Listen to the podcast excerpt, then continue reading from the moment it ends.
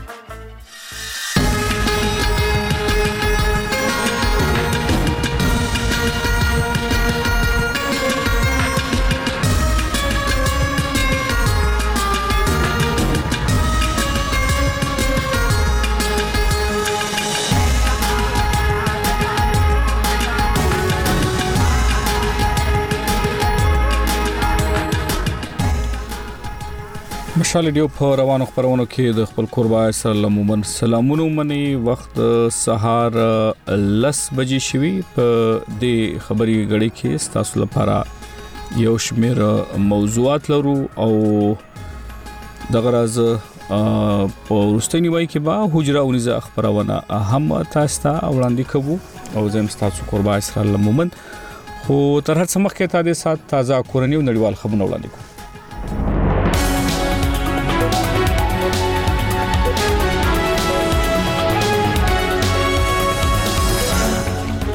لومبه د مهم خبرونو سره ټکی د پاکستان سېنېټران وايي نگران حکومت د افغان کډوالو د ایستلو مسله منتخبه حکومت ته پرېږدي د پاکستان پوځ وايي په شمالي وزیرستان کې له وسلوالو سره په نښته کې دوه پوځي سرتیر او یو وسلوال وژل شوی او د برتانیې وزیر اعظم د دې هیواد د کورونو چارو وزیر له خپل څوکۍ لري کړی او زه خبرونو تفصيل د پاکستان په سېنات کې د بیلابیلو سیاسي ګوندونو غړو پر نگران حکومت غږ وکړ چې د بی اسناد افغان کډوالو د ایستلو بهیر دی ودروي د جمهوریت اسلامي په ګډون د یو شمېر سیاسي ګوندونو غړو د نومبر په 13مه سېنات کې د افغان کډوالو د واپسې په اړه تحریک وړاندې کړ پر تحریک د بحث پر مهال د جمهوریت اسلامي سېنیټر مشتاق احمد خان ول چې د عین لمخې نگران حکومت یوازې د هیواد ورځنی چارې پر مخ توړلو مسولیت پر غاړه لري او د کډوالو د ایستلو د پالیسۍ جوړولو واک نه لري د جمعیت العلماء اسلام فی ډلې سېنیټر کامران مرتضی بیا سېنات غونډې ته د وینا پر مهال ویل د بی اسناد افغان کډوالو د شړلو پر ځای باید حکومت د دوی رجسټریشن کړي وي آج هم ان کو رسوا کر کے نکال رہے ہیں نن یې مونږ په دې وجه رسوا کوو او شړو یې چې د دوی سره اسناد نشته، راجسټرېشن کول او په کېمپونو کې د دوی ساتل د چا کار و؟ دا خو د دوی کار نه و چې چا تشریف راوړی و. په غونډه کې د کورنو چارو نګران وزیر سرفراز بوګټي د دې نیوکو په ځواب کې ویل چې د ریاست د فیصلې تر مخې د نومبر له لومړۍ نیټې وروسته ټول غیرونی غیر قانوني بهرنیان وباسي نو موږ ویل چې افغان کډوال نه شړل کیږي بلکې غیر قانوني بهرنیان استل کیږي کورنو چارو نگران وزیر زیاته کړه چې تر دې د مات څه باندې درې لکه بهرنیان له پاکستان تللي چې پکې 2 لکه څلور نوي زره په خپل خوخه تللي د پاکستان پوځ وايي په شمالي وزیرستان کې له وسلوالو سره په نښته کې دوه پوځي سرتیري او یو وسلوال وژل شوی دی د پوځ مطبوعاتي څنګه اس پی آر مشالډو ته پر لیګل بیان کې ویلي چې دغه نښته بیګا شپې مهال هغه وخت رامنځته شو کله چې امنیتي سرتیرو د میرعلی له خیسور سیم سره نږدې د وسلوالو خلاف هدفي عملیات کول پر دې اړه وسلوالو څنګه دی ویلي خو د اکتوبر په 14 مه په شمالي او جنوبي وزیرستانونو کې له وسلوالو سره پنخته کې دوه امنیتي سرتیري وجل شوی وو او ځوابي کاروي کې پوز د دوه وسلوالو د وجنې ادعا کړې و تحریک طالبان پاکستان دغه بریدونو ذمہواری منلې و د ډیر اسماعیل خان پولیس وایي چې د نومبر پر 13مه په درزنده کې د تیلو او ګیسو پر یوې شخصي کمپنۍ په وسلوال بریټ کې یو کس وجل شوی او یو لسنور جوبلی په خبر پښتونخوا کې د وسلوالو امنیتي سرتیرو ترمنځ نښتې زیاتې شوې او پوز وایي چې دغلته یې ځنو سیمو کې د وسلوالو پر ضد هدفي عملیات جاري ساتلي د یو بل خبر لمخې د پاکستان سېنات غړو له حکومت غوښتي چې په ملک کې د ترګری د مخنیوي لپاره کوټل او سمدستي ګامونه پورته کړي د نومبر په 13مه په سېنات غونډه کې د بیلابیلو سیاسي ګوندونو غړو په ملک کې او په خاص توګه په خیبر پښتونخوا بلوچستان کې د ترګری پر پیښو اندېښنه وخودله د مسلم لیګ نون غړي ساغډار غونډې ته د وینا پر مهال له حکومت غوښتنه وکړه چې د ترګرې د ختمولو لپاره واضح پروګرام رامنځته کړي نو موري تور پورې کړ چې په خواني حکومت او د هغه وخت پوزي مشرتابه د وسلوالو لمنځه وړو پر ځای له هغوی سره مذاکرات کول او په ملک کې یې ځای پر ځای کول اسحاق ډار د چانوم یاد نه کړ خو په ظاهر یې د تحریک طالبان پاکستان سره شو هغه مذاکرات ته اشاره کوله چې په 2023م کال کې د عمران خان په مشرۍ تحریک انصاف حکومت پر مهال پیل شوی وو مشال ډیوتا زنو سرچینو ویلي وو چې د پوز او تحریک طالبان پاکستان تر منځ شو د مذاکراتو کې پر دې صلاح شوی و چې د ټي ټي پی وسلوال کول شي په قبایلی سیمو کې زنو زینو ته وروګرځي بلخوا تحریک انصاف دا تورونه په وار وار رد کړي چې ګینې ترګری د دوی د پخوانی حکومت د پالیسیو لوجه زیاته شوې بلخوا پرون د سېنات غونډې ته د کونو چارو نگران وزیر سرپراز بوګټي ویل چې د ترګری د ختمولو پریکړه به د جنگ په میدان کېږي تاسو مشال رډیو ته غوګستي د برتانیا وزیر اعظم رشي سوناک د نومبر په 13مه د هیواد د کونو چارو وزیر سویلا بریورمن له خپلې څوکۍ لرې کړه سویلا چې ټولنه یې تقسیم کړي روسته له هغه یې خلکو کې غوسه راپارولې چې نو موړي پولیس تورن کړي چې د فلسطین ملاتړو مظاهرچیانو لپاره په ځړ کې ډیره نرمه ګوشه لري حکومت ویلي چې د بریورمن لخوا دند پر خودل په کابینه کې د بدلون برخه ده دا په داسې حال کې ده چې د برتانیا وزیراعظم په خپل حکومتي ډله کې په غټو څوکیو بدلون کوي جیمز کلیورلی چې د بانو چارو وزیر وو نو موړه د کورونو چارو په خوانی وزیر سویلا برورمن پر ځای ټاکل شوې دی د غراز یو غیر عادي قدم هم خسل شوی او د برتانیا په خوانی وزیراعظم ډیوډ کیمرون د بانو چارو وزیر په توګه نومول شوی دی دا غیر معمولي خبره ده چې یو پخوانی مشر چې د پارلمان منتخب غړی هم نه دی دومره غټه حکومتي څوکۍ به سمبال کړي او د کرکټ نړیوال کپ په لومبي سیمه فائنل کې سبا د نومبر په 15مه هند او نیوزیلند یو بل ته مخامخېږي ټاکل شوی چې میچ به د هندستان په ممبئی کې د پیکور پر وخت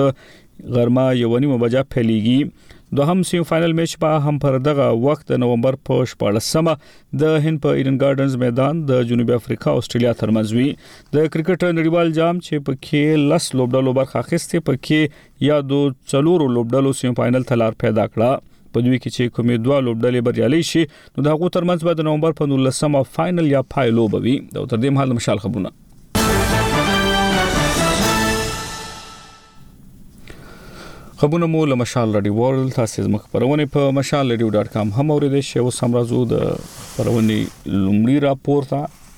د پاکستان په سېنات کې د اسناد نه لرونکو افغان کډوالو واپس افغانستان ته د لیکدولو غندنه شوې په سېنات کې د مشتاق احمد خان طاهر بزنجو محمد شفیق ترين او هدایت الله خان او دغه راز نورو سېنېټرانو لخوا په تیر ورځ په وړاندې کړل شوی یو تحریک کې غوښتنه شوې چې د افغان کډوالو د ایستلو سلسله دی ودرول شي او د دې مسلې پریکړه دی منتخب حکومت ته وسپارل شي دغه راز په تحریک کې ویل شوی چې د پاکستان ریاست کله افغان طالبانو څخه ګیله لري او په نامنۍ کې د هغوی د لاس لرلو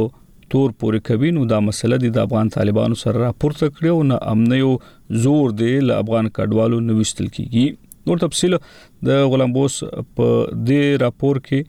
چې په چې د یو سېنیټر په غږ پیل کی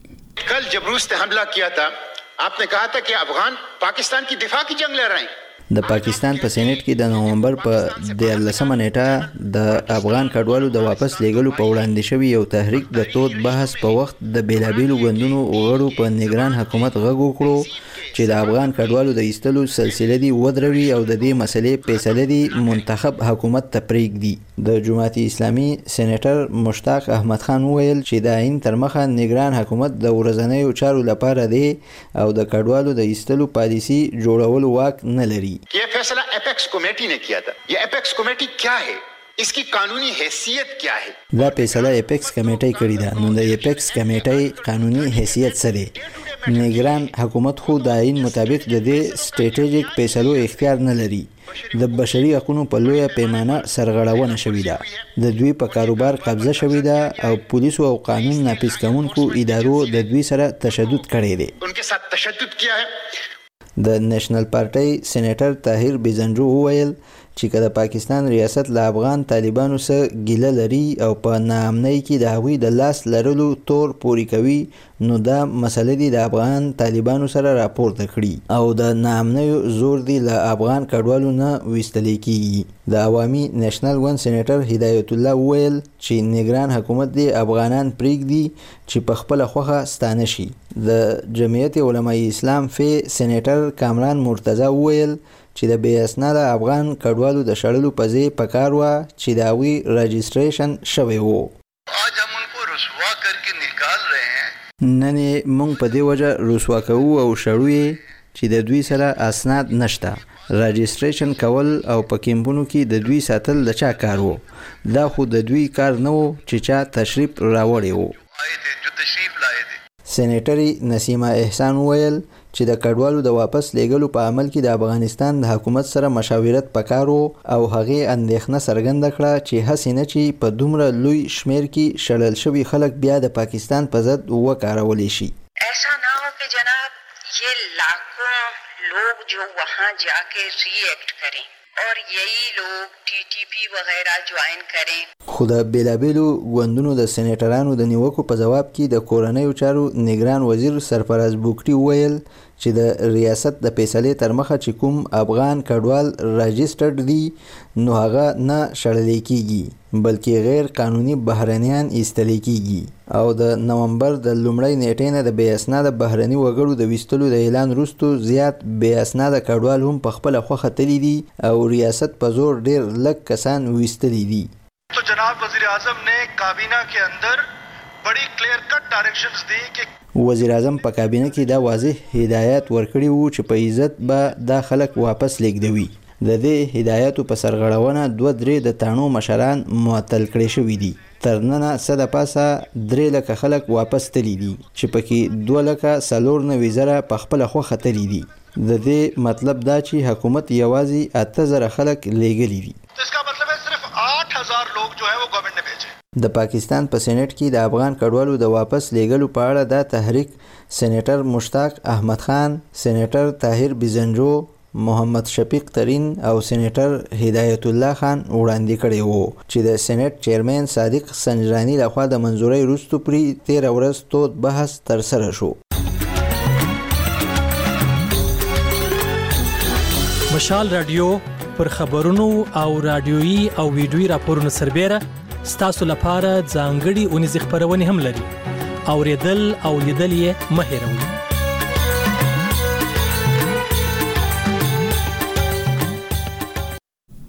مشال ډیو ته وګسته له دمه مخکې تاسو د غلام غوس راپور واورید چې پاکستان په سېنات کې د افغان کډوالو د استوپ موضوع ته بحث شوه دی اوریدونکو پاکستان سېنات غړو په ملک کې په خاص توګه په خبر پښتونخوا او بلوچستان کې د ترګری د زیاتیدونکو پیښو په اړه اهم اندېښنې څرګندې کړې دي په سېنات کې لیډر اف د هاوس او د مسلم لیگ نون غړي ساغدار د حکومت نه غوښتنه وکړه چې د ترګری د ختمولو لپاره یو واضح پروګرام وړاندې کړي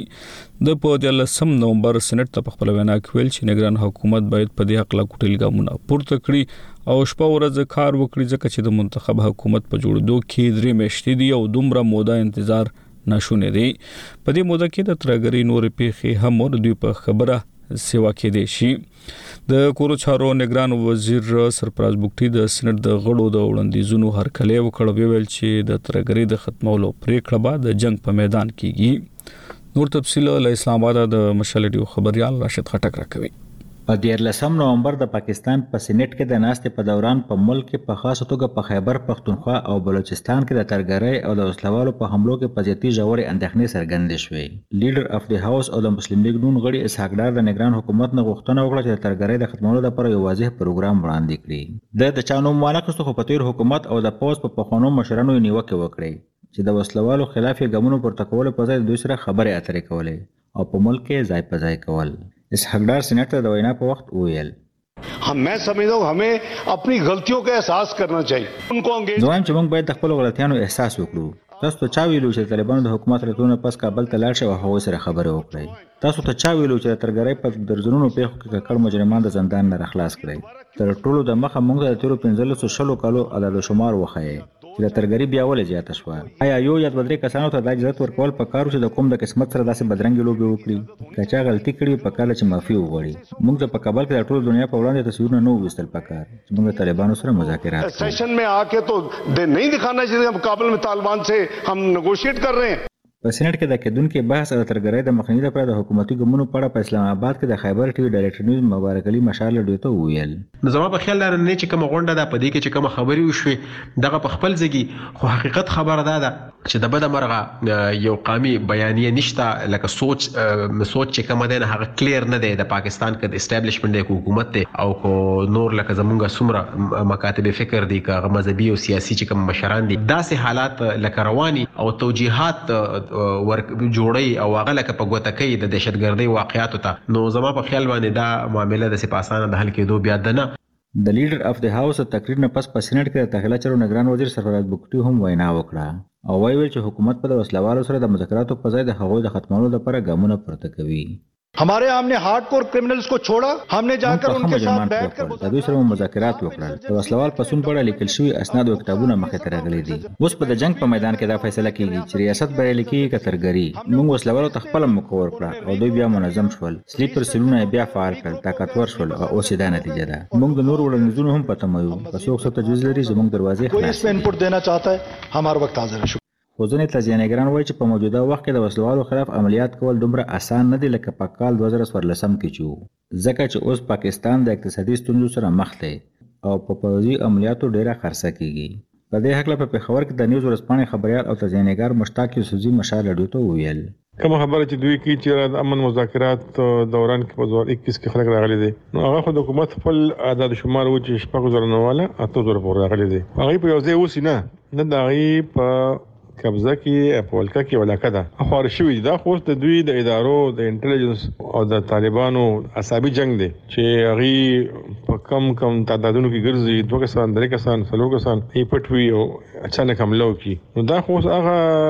وخت نه چې تاسو به عملیات کوي جازونه به استعمالوي توپخانې به استعمالوي بازارونه به ولې کلی به ولې د یادونې وړ ده چې په تېرو دوو میاشتو کې د ملک په بېلابېلو سیمو کې د وسلهوالو د حملو په نتیجه کې د امنیتي ادارو تر شلو زیات کارکوونکي وژل شوي دي. په دیارلسم نومبر چې په سېنېټ کې د بحث کېدو په شمالي وزیرستان کې د وسلهوالو او پوځیانو ترمنځ په نښته کې دوه پوځیان او یو وسلهوال ووژل شول. راشد خټک، مشال رېډیو، اسلام اباد. مشال اډیو ته غوږه سي د خبر پښتونخوا په ټانګ کې به ټنی قام مشرانو د نومبر په 12مه د امن پر نوم جرګه کې له پاکستان حکومت غوښتي چې د غسیمه کې د امن پر ځای کړی د دوی په خبره د لپاره د حکومت بایزر تر زره ګامونه پورته کړی بلخوا بیا د ټانګ ضلع ډیپټي کمشنر محمد شعیب خان مشال ډیو ته ویلي چې په ضلع کې د امن خکولو لپاره پوز پولیس او ځای انتظامیه په ګډه ګامونه پورته کوي تفصيل له سیمې د مشال ډیو خبريال اشتیاق مسید راکوي د خیبر پښتونخوا ټانک ضلعې بټاني کوم مشرانو د نومبر په دولسمه د امن په نوم جرګه کښې د پاکستان حکومتي چارواکیو نه غوښتنه کړې دو چې د ضلعې امن حالات ښه کولې د پوره د زر ګامونه پورته کړي. د ملي جمهوري غورځنګ ګوند غړی عبدالله ننګیال د بټاني قام امن جرګو په باره کښې مشال ریډیو ته ویايي. موږ دا جرګې چې دي له تېرو څو میاشتو نه مو شروع کړې دي او دا لړۍ روانه ده. اوله جرګه مو په مراډې وکړه، هلته چې کله حالات خراب شو، بمباریانې شروع شوې، توپې به ورتلې خلکو ته، نو خلک په کډو کولو مجبور وو، نو هغې کډې کولو ودرولو هغې لپاره موږ جرګه راوغوښته او بیا مو ریاستي چې کوم چارواکي دي هغو سره خبره وکړه، نو هغې نه بعد بیا دوهمه جرګه موږ. په جرګولې باندې وکړه او درېيمه جرګه پرون موږ په ټانک شو وکړه نو دا جرګو دا لړۍ روانه ده چې کېدای کېشي موږ امن غواړو جنګ نه غواړو او په خبرو اترو او داسې يو لار را ايستل غواړو چې په هغې کښې موږ علاقې کښې امن هم وي او خوشحالي هم وي او خلقو ته تکلیف نه یو موږ له دواړو غاړو نه بیا بیا خواست کړی ده موږ سره خایس خواست ته ننواتې ده جرګه ده مهرباني وکوه موږ په وطن کښې نور ده بدامني ودروو او امن طرف ته لیاره واره د بټاني قوم یو بل مشر ملک اکبر علي ویايي چې په ضلع کښې که د امن حالات زر شه نه کړای شول بیا به د سیمې اوسیدنکي په کډې کولو بنې به مجبور وي. امن جرګې دی او دا خلک امن امن نارې وهي همه ورځ چې موږ په ټانک بازار شي موږ پولیس بینک تر مخ ولاړ وي نامعلوم کسان راشي ډزې پرې باندې وکړي مړه شي یا جای په جای کلو نه خلک واخستلي شي او پرچه یې په ټټر پرته یو وزلای شوی په جنډوله کښې هم داسې دوه واقعې وشولې وړوکي کلي کښې داسې اوس هغه یو ریټایر فوجي کس جماعته کښې وایستلای شوی پرون نابله ورځ کړیشتانور اس پاک څخه ایس ایچ او عبدالعلي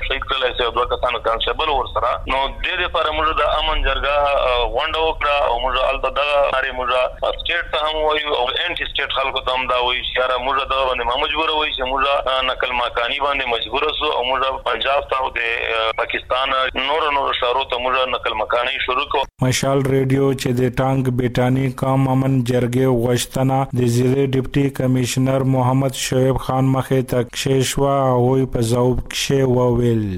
بيټني قوم چه کومه جرګه ده کومه مرکه ده نو دغه رنګ مونږ هم فوج پوليس انتظاميه ټول مونږ سره په دې باندې متفق يو چه ياره په هر طريقه باندې چه په هر قيمت باندې ټانک ته دلته کښې مونږ امن راولو خوشحالي راولو ترقي راولو نو دا د مونږ د ټولو يو مشترکه جدوجهد يو مشترکه کوشش به وي انشاالله الله پاک به دې ټولو ته په دې کښې کاميابي ورکړي. دا د هم یودوي چې د نومبر په یولسمه د ټانک ضلع کړي شانور سیمه کښې ناپېژاندلې وسلهوالې د ټانک پولیسو په ګاډیو بنې برید کړی و او د ډازونو بدلون په نتیجه کښې یې د پولیسو ایس ایچ او سره درې سرتېري وژلي او پنځه نور پرهرژلي کړي وي او د دغي برید ذمه وری د تحریک طالبون پاکستان ترجمان محمد خراساني مانل یوه د ټانګ بټاني قام امن جرګې مشرونې د پاکستان حکومتي چارواکیو نه دا غوښتنه هم وکړه چې د ضلعې امن حالات ښه کولې د پوره د زر ګړندي ګامونه پورته کړي. اشتیاق مسید، مشال ریډیو، ډیره اسماعیل خان. د مشال رادیو هر ورځ د سهار له سالورو تر شپږو بجو د سهار له نهو د ماخام تر وو بجو د شپې له نهو نه تر لسو بجو او بیا له یو لسو تر دو لسو بجو په دې سپو خبرېږي منځنۍ سپا شپږ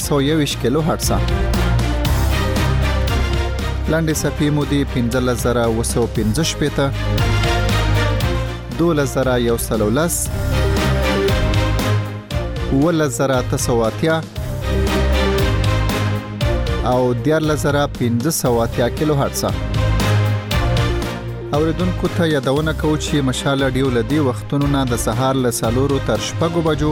د مازیګر له شپږو نه تر وو بجو د شپې له نهو نه تر لسو او بیا د شپې له یولسو نه تر دولسو بجو په منځنۍ سپه شپږ سوه یوویشت کیلو هرڅ خپرېږي په پاتې یادو شو وختونو کې مو یوازې په لنډو سپو اورېدلی شئ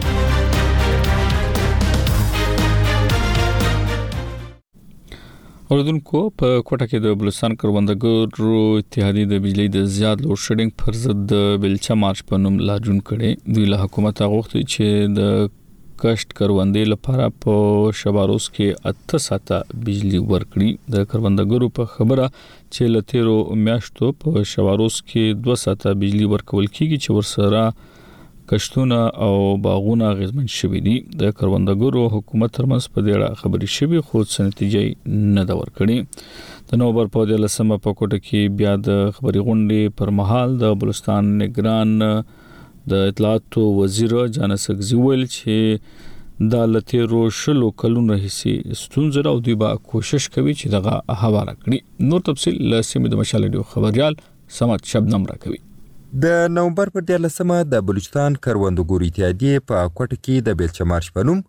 د بجلۍ د زیات لوډ شیډینګ پر ضد احتجاجي مظاهره وکړه او له حکومته د زیاتې بجلۍ ورکولو غوښتنه وکړه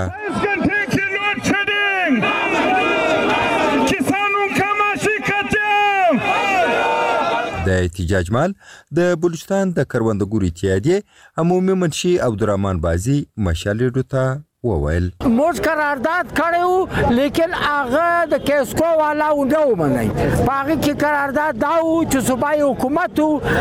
د دې کمشنر او ډي سي و دا ټوله خلګ موږ سره و لیکن د هغه باوجود موږ دا ورتول چې موږ هره میاشت د شپږ زره روپو بجای دولس زره در جمع کوو او ډېر زره ټوبیلان موږ ذمواري در اخو لیکن په دې کې د کیسکو چې کوم سیکټري دی د وفاق سیکټري چې لنګړیال دی هغه نه ومنل نو د تیرو دوو میاشتو پنځو ورځې سره زموږ بجلی بنده ده او دا زراعت ختم شو که زموږ بجلی اته ګنټې نه سي باله نو موږ له زراعت فارغ نو دا ګرد د صوبې واته فیصد چې کوم خلک دي دا به بیا بل کار کوي زراعت د ختم کروندګر وایي چې د بجلی د زیات لوډ شیډینګ له کبله باغونه او کښتونه اغیزمن سوي دي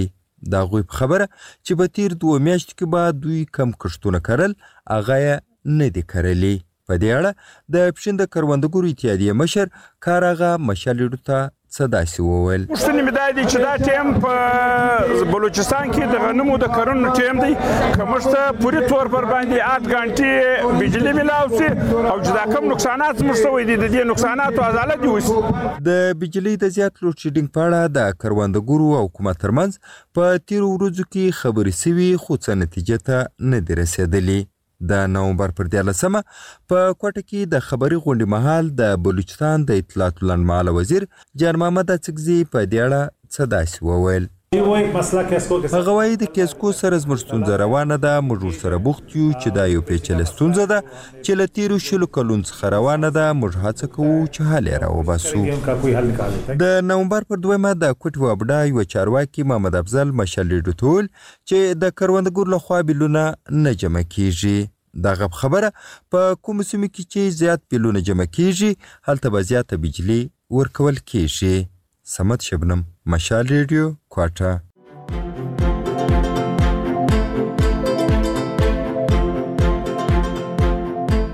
مشال رادیو د خبرونو، ریپورتونو، مرکو او شننو ترڅنګ ژوندۍ او سبڅوي اونیزي خبرونه هم درته وړاندې کوي.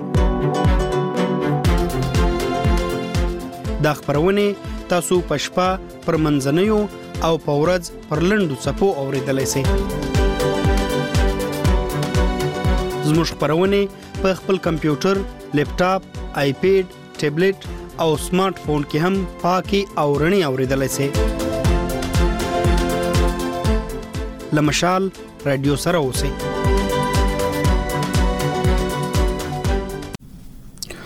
اردوونکو د شوګر یا شکرې د مخنیوي نړیوالې ورځ په مناسبت په خبر کې د خیبر پښتونخوا د صحت څنګه لخوا د یو سیمینار تابع شوی و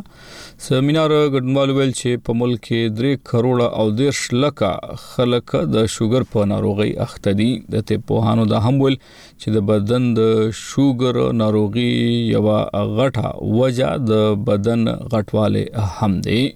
دوی ویل چې اوس په ماشوموالو ماشومانو کې هم دغه ناروغي تر سترګو کیږي نور تفصيل د عظمت الشاه په دې راپور کې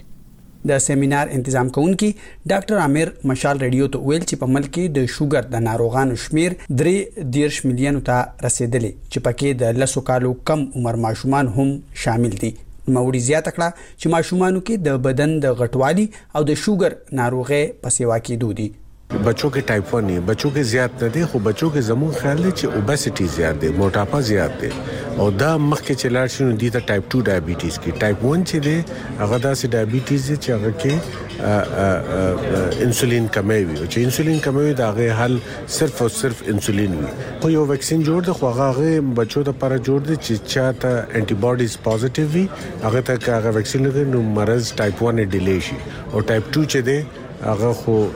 موټاپې په وجه فیملی هیسټری په وجه کیږي. د شوګر په ناروغۍ کښته د مردان اوسیدونکي اسد خان مشال ریډیو ته وویل چې د هغه موروثي یا خانداني ناروغي شوګر ده. نوموړي زیاته کړه چې د شوګر علاج احتیاط دی. زما خپله مور پلار دواړو ته شوګر و او زما خپل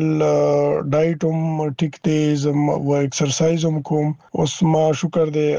ډیر حده پورې کنټرول کړی دی ماته څه پته نه وه خو لکه دا کنټرول کیږي ته د خپل ډایټ خیال وساته اکسرسایز کوه نو دا هغه څیزونه دي چې دې سره دا څیز کنټرول کیږي. غونډه کې شریک د لیډي ریډنګ اسپتال ډاکټر ابرار احمد مشال ریډیو ته وویل چې د شوګر د ناروغۍ د ټولو غټه وجه د بدن غټوالی دی نو باید چې عام خلک په یو اونۍ کې خامخا څلور ورځې ورزش کوي. د کراچۍ ټول مخکې خلکو دا پته لګی چې وی دغه ته شمیتیاز زیات راشي یا شپکه تشمیتیاز ته پاسي یا وزن کمې در एकदम شروع شي یا خله او چې دل شروع شي بار بار وبدس کی دا ټول علاج شته دی د پاکستان د صحت د ادارې د شمیرو تر مخه پاکستان کې 3 کروڑه او 13 لک کسان د شوګر ناروغان دي د ادارې تر مخه چې د کال دوه زره نولس نه تر دوه زره دېرش پورې په ملک کې د شوګر په ناروغۍ کې اویا فیصده سیواوالی راغلی او تر اوسه پاکستان کې له څلور لکو زیات کسان د شوګر د ناروغۍ نه مړه شوي دي عظمت علي شاه مشال ریډیو پیښور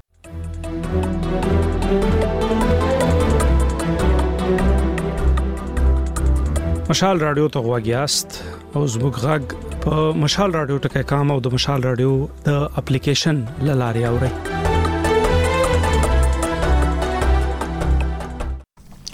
مشال رادیو ته وګستي په پیښور کې وخت شوه لس نیمه بجې د دې غړي مهم خبرونه صدا سي دي چې د پاکستان په سېنات کې د بیلابل سیاسي ګوندونو غړو پر نگران حکومت غږ وکړ چې د بیا اسناد افغان کډوالو د استلو بهیر دی ودروي د جمهوریت اسلامي په ګډون د یو شمېر سیاسي ګوندونو غړو د نومبر په 13مه سېنات کې د افغان کډوالو د واپسې په اړه تحریک وړاندې کړ او بل خبردار چې پاکستان پوز وايي په شمالي وزیرستان کې لوسلوالو سره پنخته کې دوا پوزي سرتيري او یو وسلوال وجل شوی د پوز مطبوعاتي څنګه اس پی ار مشلډو ته پر لګلي بیان کې ویلي چې دغه نښته بیګا شپې مهال هغه وخت رامنځته شوه کله چې امنیتي سرتیرو د میرلي له خیسور سیمې سره نږدې د وسلوالو خلاف هدفي عملیات کول او د پاکستان سېنات غړو له حکومت غوښتي چې په ملک کې د ترګری د مخنیوي لپاره کوټل او سمدستي ګامونه پورته کړي د نومبر په 13مه په سېنات غونډه کې د بلابل سیاسي ګوندونو غړو په ملک کې او په خاص توګه په خیبر پښتونخوا او بلوچستان کې د ترګری پر پیښو اندېښنه وښودله او د برتانیا وزیر اعظم ریشي سوناک د نومبر په 14 مر د هیواد د کورونو چارو وزیر سویلا بریورمن له خپل څوکۍ لری کړه سویلا بریورمن چې ټولنې تقسیم کړي روسته له هغه خلکو کې غوسه را پارولې چې نوموړي پولیس تورن کړي چې د فلسطین ملاتړو مزارچیانو لپاره په زړه کې ډیره نرمه ګوشه لري او د کرکټ نړیوال کپ په ډومبي سیمه فائنل کې سبا د نومبر په 15مه هند او نیوزیلند یو بل ته مخامخېږي او اوس هم ورسېدلې د ونیزې خبرونه حجره دغه خبرونه چې د سواد په بری کوټ کې چمتو کړل شوی کوربای نیاز احمد خان دی حجره د کلیوالو او سیمایزو مسلو په حق له د خلکو باسونه او د حل لاري قدرمن اوریدونکو سلامونه پیرزونې زه نیاز احمد خان د مشال ریډیو ځانګړي خبرونه حجره سره تاسو ته مخامخ یم قدرمن ورونکو نن موږ حجره کې تاسو راوستي د سوات تاریخي سیمه بریکوټ ته بریکوټ چې دغه هغه سیمه ده چې دلته کې د وختونو لرغوني آثار دي دلته به مسلې هم دي یا نور سيزونه هم دي خو دلته کومه مقامي مشر افضل شاه باچا لاله سره په دیره کې ناست یو او دلته کې مشران کشران راټول شوي دي د دې ځای په مسلو په سیاست او بحث هم کوي دوی چې دنه په دغه خپل حجره کې لاسماته سرماته دغه مسلې هم کوي بیا دغه رنګ دلته کې چې دنه جرګې هم کوي نن دو موضوع دا ده چې بریکوټ د لرغوني آثارو پیمانه ځای دی دلته کې چې دنه بلخا د زرګونو کالو راسي مخ کې ډیر شتمن لرغوني آثار دي خو دغه ته چې دنو هغه شانته کې پاملرنه نشته چې کومه پکار ده لومبۍ به چې دنو عبدالخان بچا ته چې د ورزو او دغه نو پښتنه کو د علاقې عبدالخان بچا سلامونه وعلیکم السلام نیاز ډیر مننه تاسو وخت راکو مهرباني ثانک یو لومبۍ خو زموږ د اوردونکو ته بریکوټ په اړه باندې لګ مختصر تعارف وکړي چې بریکوټ څونه لري ده کم ځای ده څنګه علاقه ده کم خلک دي ګوسی دا چې د بریکوټ چې د سوات ګیټوي ده د بریکوټ چې کله سواد ته راننوځي نه اولنې تحصیل شي نه هغه بریکوټ راځي بریکوټ په ډیره حواله باندې ډیر زیات مخصوص مطلب دی چې هغه لري سيزونه لري چې هغه په نورو زینو کې نشته دلته د سواد او زبداوي مچ د خیبر پښتونخوا کې د ټولنې زیات اثر قدیمه شې دي نو هغه په بریکوټ کې دي تاسو دا کلی کې چې موږ یو د کلی سنوم دی او دلته کم قسم خلک دا چې د چې زموږ د کلی خو نجګرام نوم دی او په بریکوټ کې بیا خاص کر نجګرام چې نه دا دلته ډیر زیات لرغونی آثار دي دلته آثار قدیمه والا پکې خوسه د غکړیم دي سکارمار پکې کوي مونږ ته چې هغه اسمره د دې توجه وکړو هغه مونږ توجه شي دا مونږ اوریدونکو دا چې کم کم شي کې آثار قدیمه د لګ خلکو ته پته ولګي دا چې بریکوټ شي نو په خپله باندې بازی راځه یو غټ خار چې دی نو هغه دلته دریاب شوی دی او سکندر اعظم الکسندر دی ګریټ په حواله باندې دا ډیر زیات مشهور ځای دی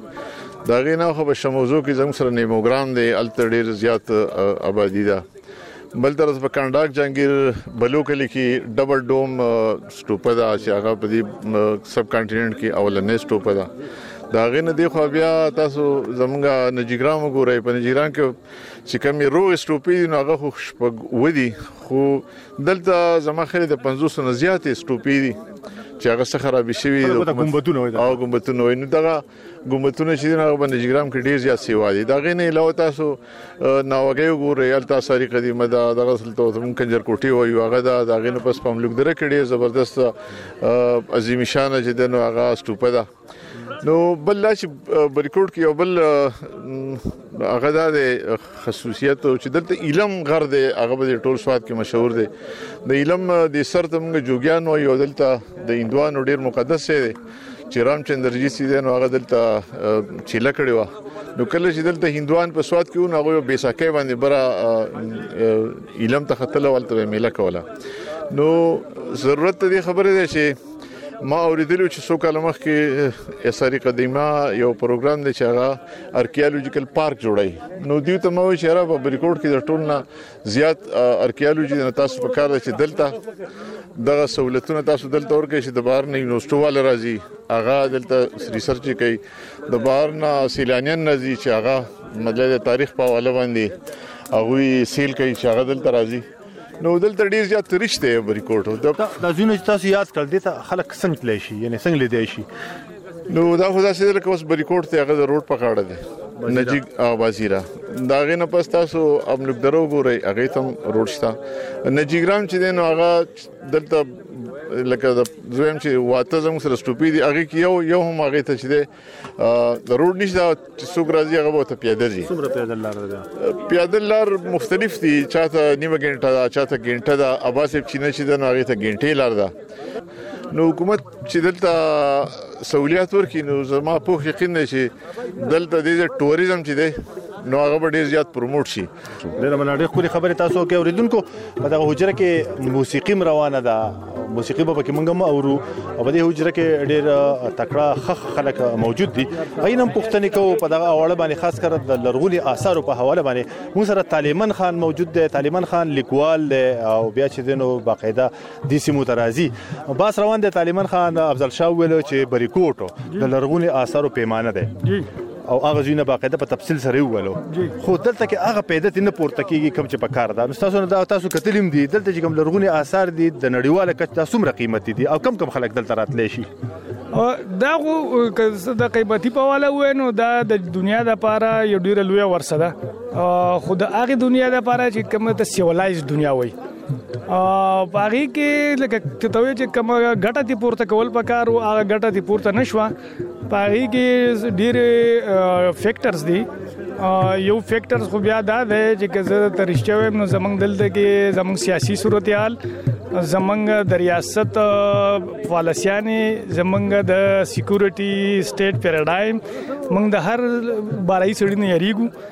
دنیا چې دا سیولایز دنیا هغه ملمه ته بارنو خلکو ته هغه مطلب لاسونه مطلب په کلاو لاسونه باندې هغه ویل کم کوي او دا غي بیا پیدا ګټي تم پورته کوي خو چونکه موږ د سیولایزیشن هغه لیول ته نه ورسېدلی موږ لا اوس هم د سکیورټي سټیټ پیراډایم په دغه سترګین ختی یو نو موږ هر څه بند ساتلې دي سکیورټي سټیټ پیراډایم چې هغه کې دا دی چې ته په کلوز ډور ساتي او د هر سړي ته په شک په نظر ګوري مونږه مسله دا ده چې دلته کې بارای تم د شک په نظر ګورو خپل وګړو تم د شک په نظر ګورو تاسو خبر لم راځم اوس کوم په لار راتو تاسو کتل کنه یو شپږ گاډي ولاړو جی جی پای کې پدری گاډو کې سا بهر هوادونه سا سیلانیانو جی جی خو دوته د سکیورټي گاډي شاته او دوته مخ کې پولیس وسره او ټوپک وسره وي نو په داسې حال کې دلته کې چې دینو مونږه دغه مذهبي ټوریزم ته وده ورکولای شو دلته کې غزل شاه لالا ویلو چېرې د دې ځای نه د ټوریزم پارک جوړېدی شي دلته دونه شتمن لرغوني آثار دي څه پکار دي نو نیا زه به زه به تاسو ته بیا د خپل خبره تکرار زه به هغه تکرار کوم د خپل باندې یو دغه ورکو مونږ چې د دوو گاډو نه د سکیورټي دوه گاډي مخکې ورسته چې ته د ټوپک د سنگین په سایه کې یو ملمه راځي او هغه یو ځی ته به د کم قسم پیغام ورکې آیا دا خو هغه خلک چې یا به د دې اساینمنت یا به دا ډیر زیات مطلب دی انټرېسټډ دي د ریسرچ په حواله نو ځکه د مجبورۍ نه براغلي دا به د سیل په انداز نه راغلي سیل چې سوق زی هغه لاول امن پکاري منګه چې د لګیت د پولیسو سکیورټي کې کوم ملما راولې هغه بس ملمستیاي طالبان خان اوریدونکو یو لیکوال دی او د پښتونخوا ملي پارټي دغه ویانوم دی او ملما دی دلته کې راغلی دی دغه پروګرام لا هغه اوریدونکو موږ سره فضل ودود خانوم دی فضل ودود خان چې دی نو د دې بریکوټو په خوانه ناظم پاتې شوی دی وسم ناظم دی دوباره ناظم شوی دی بالکل وای خندلو او وګه وسره دی دلته تراړوم دی ملګرو اچولې دی میوزیک هم لګیدل دی ده نه پوښتنه کوو په دغه حواله باندې چې بریکوټ په آثار قدیمه په لرغونو آثارو ډیر زیات شتمن دی د دې نه پیدا ولې نه پورته کیږي کومې مسلې دي بسم الله الرحمن الرحیم ډیره مننه اصل خبردار چې یو خو دلته د روډ کوم مسلې چې دا ډیره زیاتې دي او دغه دلته زموږ سره روډ دی هغه د بار پټ دی مونږ ګورنمنت ته وایو چې دا د 12 فوټه پسې تاسو نور روډ کوي 22 فوټ وای روډي نو بای سپورت ته ورسی هغه وای چې دا بای سپورت تاسو پرې راګې نه منګه خو دا بار پورت پرې ور کړی دا بار پورت ته بسره ګورنمنت واخلي دغه شان څنګه دا درد دا واته کیلومتر دا بده کوم کوشش کړی چې موږ به هغه شړ روډ جوړ کړی د خپل وس مطابق بچاندو باندې هو ګورنمنټ زموږ سره په دې کې صدا سي مدد نه کوي چې هغه کوشش مونږ کو خو دومره زموږ د ګورنمنټ نن سبا غت د داسې موري د چا د لرغوني اثارو محکمې دا چې دغه تر روډ جوړ کی د صوبایي حکومت ته د تاسو تم ناظم یې په دغه ځای د علاقې د خلکو وټ تر کړی دی نو څوک به نو په دې کې خو بیسیکلی رول صوبایي حکومت په کار دی ځکه چې دا صوبایي ګورنمنټ چې کوم اثار دي یا ارکیولوژي ډپارټمنټ دی نو دا کوم علاقه کې دی دا غویان لري نو په کار د چاغي په کې د زموږ سره خو پندو نشته زموږ خدما په خیال چې دا دوه کاله شو کله دوه روپۍ نه راغلي نو موږ بسو کو موږ دغه کولای شو چې لاړ شو خلکو ته لارو خو جره دا وته لار دا وته دا دی دا دی خیر نو درخواست کولای شي هغه درخواستونه هم ډیر کړی دي د دې لپاره اټلی ګورنمنت زما په خیال چې هغه پیسې هم ورکړې دي هغه ډېر ډېر وخت ډي سي سره پرتی وي کې دي چې وسم دغه اکاونټ کې پرتی هغه دغه شوی نه دي لکه لګیدل نه دي نو داسې د غیر لپاره موږ درخواست ورکړه چې لکه مهرباني وکړئ دا ولګوي او د علاقې د خاص لپاره او دا کم چې ضرورت ته دغه پر کول لپاره د مینمنو دا څونه به خلکو ته پیدا وشي که دلته دا روټ ټیک شي او ملمانه شروع شي روزګار به څنګه شي ډیر زیاته پیدا به ورسیږي دلته به ملمانه راځي خلک به راځي ټورست به راځي ګیسټ هاوسز به جوړ شي واړه واړه شاپونه به جوړ شي ټک شاپ به جوړ شي او هوټلې به ته جوړ شي نو دا د روزګار د غیر هغه کې باقاعده د حقیقي ایکسپوز کې دي شي خکې دي ډیر مننه قدرمن اوریدونکو په دغه حجره پروګرام کې چې دینو رباب منګه دا هم لګېدلي دي طبله هم ده او دلته هنرمندان هم راغلي دي دلته کې هنرمندان را به سندرې اورو خو کوم یو کس سندرغاړی دا سره به دوه خبرې کوو دا غنه بعد به سندر اورو سلام علیکم کوم یو پکې سندرغاړی دی ټول ټول سندرغاړي لول خو راته نوم وای زه د مشال رادیو د حجرې خبرونه د وخت کې موجود یم سوات نجګرام کې او تاسو چې د خلکو خپل نوم راته وای زما نوم برکت علي ده امو خو دې مېلمنو نور ته سره کم کم ملګری دا نس بچا دی دا صداقت استاد دی دا عبد الله استاد دی د رباب وهي د رباب وهي د تبله وهي او ته سندره وي ته سندره به زموږ د مشال ریډیو اوریدونکو ته وایي استاد د پاره به ان شاء الله چې ښه سندر وایي کوشش وکړو چې ساده خوښ شي اوریدونکو تاسو چې دینو د برکت علي بچا سندره واوري او موږ به ورکوټي شانتي دمکو د مشال ریډیو خبرونه به هم دغه رواني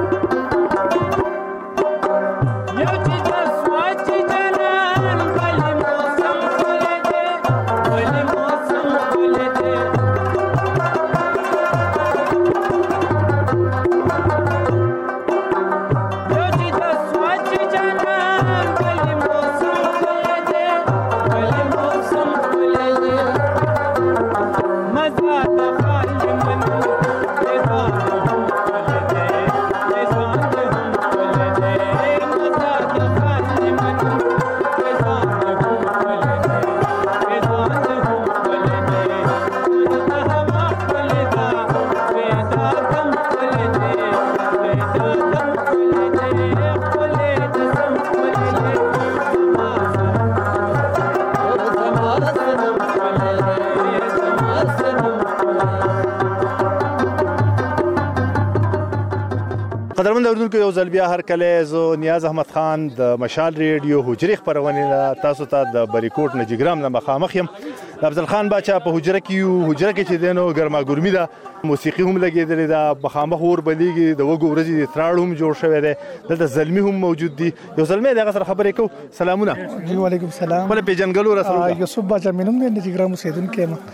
مونږ باس دا کو کنه چې بریکوټ او نجګرام دا په لرغوني اثارو ډېر شتمن دي بالکل دسته او دینه پیدا نه پورته کی کوم مسلې دي کوم ستونزې دي د ټول نور خدای مسلې دلته چې مونږ ته د روډ مسله ده چې تاسو کو ګورئ نه تاسو په خپل باندې روډ باندې را لې تقریبا د نټميري پوری د روډ لګ ډیر برابر دی او دی خو چې بیا تاسو راشئ نو زمونږ دا روډ چې دی هغه د درې پورې چې دی نو دا روډ بیا او که سلګ ډیر جوړ کړي دا هغه مونږ لکه وي خپل مدد اپ د سیمه نو څه پکار دی او کدا روډ جوړ شي نو څه پیدا به شي نو که زمونږ سره دا روډ جوړ شي نو دلته به نور هم دلته خلک راشي سیلانیان به راشي دا دلته خو زیاتره خلک راځي په خپل لغه باندې خو نور به هم د دې سره لکه دا دغه سی واشي نو تر تاسو زلمی دا سوچ کوي چې دا مسله به څنګه حل کیږي تاسو حکومت ته د خلکو تر سوال لته نو دا خبره هم موږ د میډیا په واسطه سره هم رسولې ده او نور هم موږ خپل په سوشل میډیا باندې هم دا دغه کړی دی خو د حکومت به دې خبر نه دی کړی دا خبره اور پکار دی قدرمنونکو دا زلمی هم وایي چې دلته کې په روډ باندې چې دین او د ته توجه پکار ده او که روډ جوړ کړی شو نو دلته کم لرغونی آثار دي دلته چې کم میوي دلته کېږي هغه به منډهو ته لاړ شي او د خلکو ژوند به بدل شي موږ سره په دغه حجره کې چې دین او ځای خبريال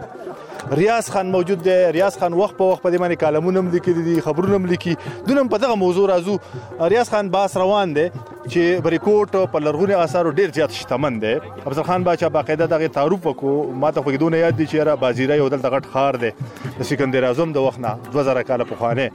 بیا چې دین هم لوګدره ده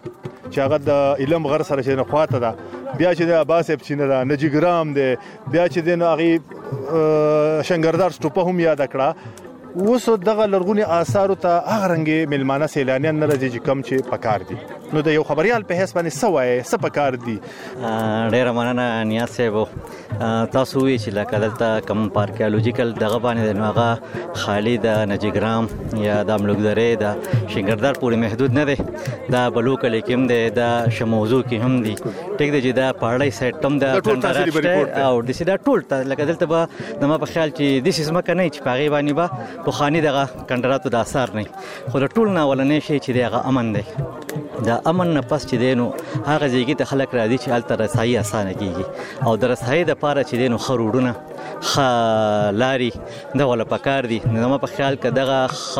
روډونه فل لري لارو سره بیا ډېری خخه وټلی شي نو هغه لپاره هغه د ته موږ هغه ارکیولوژیکل ټوریزم وایو یا ریلیجیس یعنی مذهبي مذهبي دغه شو نو ما په خیال چې زمونږ ته دغه کم مطلوبه سہولیات اولنې ما تاسو ته څنګه وي امن بیا در صحیح د لپاره بهترین بیا راغې بندوبست کو اسیاغه وسایل ور وسایل ورکول نو ما په خیال چې د دې په وجه با زمونږ علاقه په هر طرف ترقی وکي یو خو زمونږ چې کم تهذیب دی د نور دنیا ته وخیو چیرې صفات خلک څنګه خلک دی آیا دا رښتا دهشتګردي او کنه دا پر امن خلک دی نو ما په خیال چې حکومت له پکار دی که زمونږ د علاقې د ترقۍ تهذیب دا مخې کول غواړي نو دا د دې ورس راځو تاسو خو لکه تشوي یا افضل شاه باچا شو یا طالبان لیکوال یا په زلودود باچا شو سره ما خبرې وکړې چې د دې ځای ناظم دی عام خلکو ته دا پته شته چې دغه آثار څومره قیمتي دي په نړیوال کچ څومره دا شته یعنی قیمتي دي او څومره خلک دې تراتلی شي دا پته دي خلکو ته شته تاسو خو چې زبر ته دا وایم چې عام خلک به تعلیم خو به یو طرف ته وباسو خو ډیر تعلیم یافته په خلک کوم د دې په قیم دغه باندې نه پوها کپرس کدا پوها وي د وخت نه په هر علاقه کې خو ښه او بد تعلیم یافته او دایي نو کاغو به پوه نه ما بخیال چې دا بنه لول شي هم نه ول او دا ودی په خپل قبضه کې اغستې ول زموږ بدقسمتي دا ده په دې کې موږ ډېر کار پکار دی موږ چې کم لوکل خلک دی چې موږ پکې اویرنس پیدا کو چې دا زموږ اساسي دي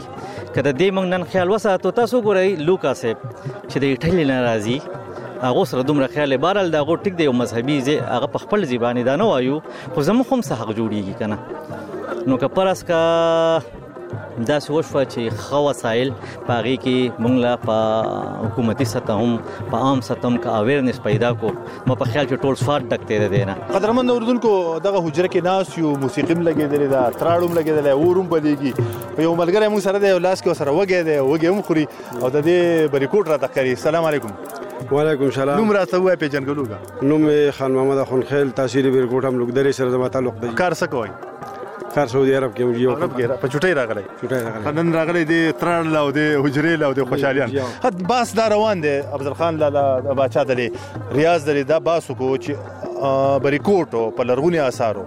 یعنی په خواني اثر ډیر مشهور دي خو هغه شان پیدا نه پورته کی کړ چې پکار ده څه پکار دي کم مشکلات دي تاسو بهر هوادون خپل علاقې ګورئ کنه بهر هوادون ته په زرګونو په لکونو خلک زی او د ټوریزم نه د سیلګرۍ نه پیدا پورته کوي بدبختی دا چې دا خالی پراته دي څه پکار دي په کار دا دي چې څنګه چې تاسو د بار ملکونو خبره وکړه نو کومه نه جګرام ته وګورو دا روټ ټول خراب دي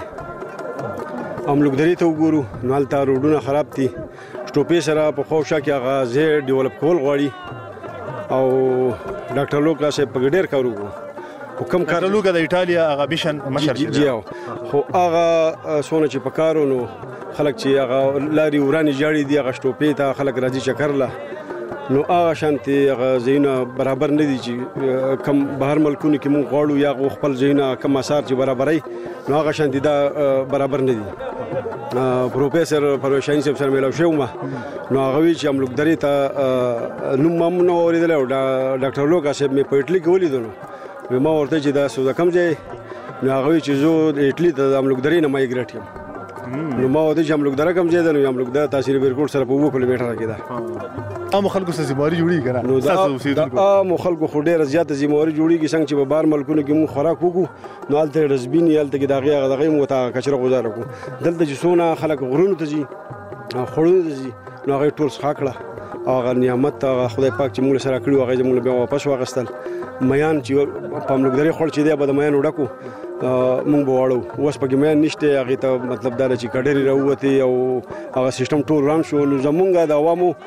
ډیره زیمه واري ده او د حکومت بیا موږ وګورو نو کمه ده ولې چې موږ به صفایي هم خیال ساتو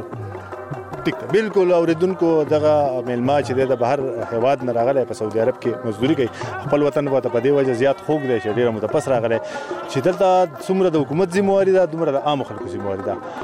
دلته کې زو زمو سره شه دینو یو ستر خبريال او مشر خبريال او پل ریم خان د منګور نه خصوصي راغلی دی او ترړ خوراک لراغلی دی د وګي وسره دی خانه سلامونه ډیره مننه نیاز خان افضل خان بچا چې دین خو په ګوجره کې د ترار پروګرام کړه موسیقي هم لګولې ده خو موږ موضوع دا ده خانه چې دا علاقه په لرغوني آثارو ډیره زیاته شتمنه ده دلته چې دنه بلها لرغوني آثار دي او ډیر قیمتي دي د دې نه څنګه پیدا پورته کړی شي ځکه چې موږ وګورئ څوک ملمن نشته ده لارې خرابه ده هغه پاملرنه نشته چې کومه پکار ده د یو ملګری وی چې بهر هوادونو کې کدا یو سیس به دلته خپل سګونو دي که یو وینو د دینه به د صوبې معیشت چلیدو نو څه وایي د یو خبريال په حساب باندې ونیاز خان دا په خو زړه دی لاله غوتی کې خو دی زه تاسو ته د 1980 81 خبره کومه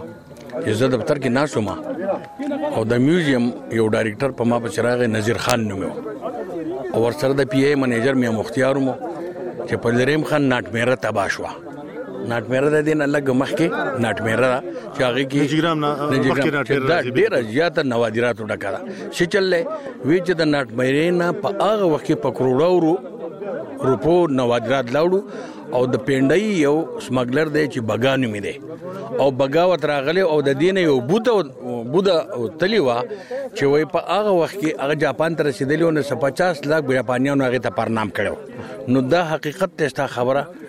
په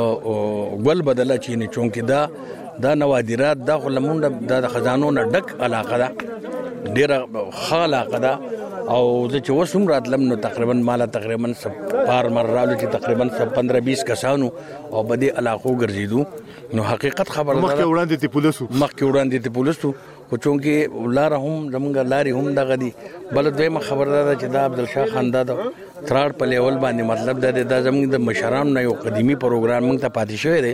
خو چونکه د بدقسمتۍ نه دا د پټو شی دی او پټي زموږ په علاقو کې ختم ختم کړو خو په دې غیر چاپیر علاقو کې سره لګ ډیر پټي پاتې دي نو دا پاغه دا غي کې مطلب دی هغه د تراړ وي دا تراړ یا چولې زمونږ د تراړ لراغلی یو قدرمند اوریدونکو تاسو مشال ریډیو ته غوږ یی او تاسو د سوات د بری کوټ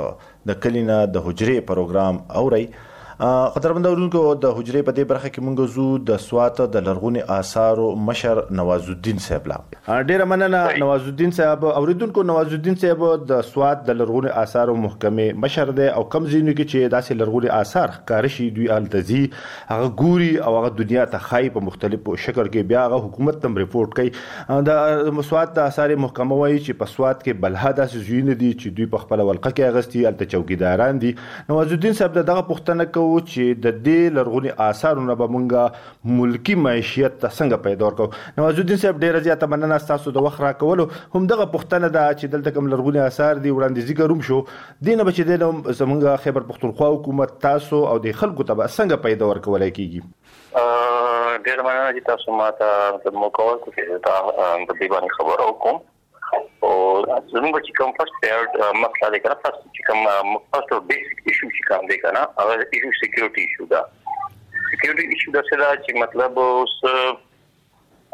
یو مثال تاسو ته ورکوم چې فیسبوک باندې یو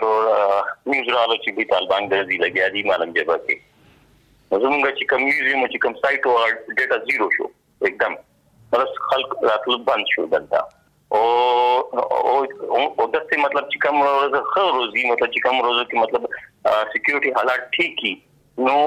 زمونږ ډیټا چې کوم دي زمونږ خالص واک نظم خبره کوم په سوات میوزیم کې یو ورځ کې مونږ ته 60 فارنرز رالو مطلب مطلب دونه فرق زیرو او بیا 60 ډیټا مطلب د خاص حالات مونږ ته پکار دي یو ځل حالات خشي مونږ ته پروموشن ضرورت نه دي مونږ سره سواد ډیر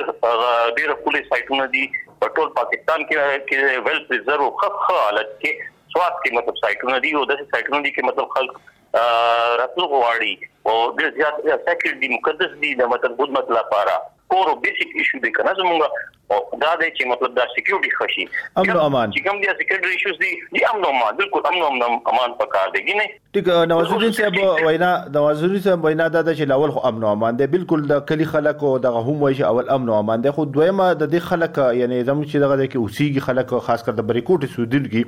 هغه وایي چې دغه سیمو ته د تګ لارې هم ډېرې خرابې دي خاص کر تاسو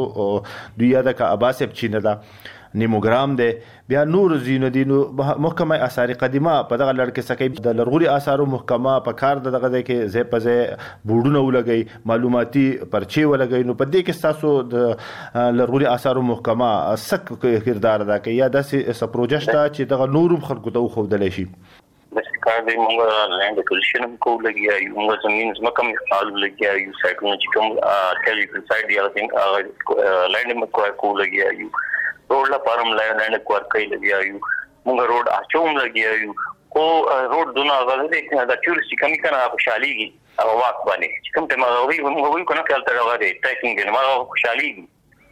دا مطلب دونه غټ ایشو نه ده چې مطلب رول لازمي په کار دي تاسو مطلب سایت باندې خو مطلب موږ خپل لیول کوو لګیایو موږ د څه خبره نه د دیم خبره ده چې موږ له کیپاسټي شو دا چوکیدار کم دي په سایتونو باندې د چوکیدار زیات پکار دي د دې مطلب دا زموږ خپل کیپاسټي شو دا د نوغټ شنه ټوریزم لپاره مطلب د نوغټ دا شنه ده بالکل ډیره مننه نوازالدین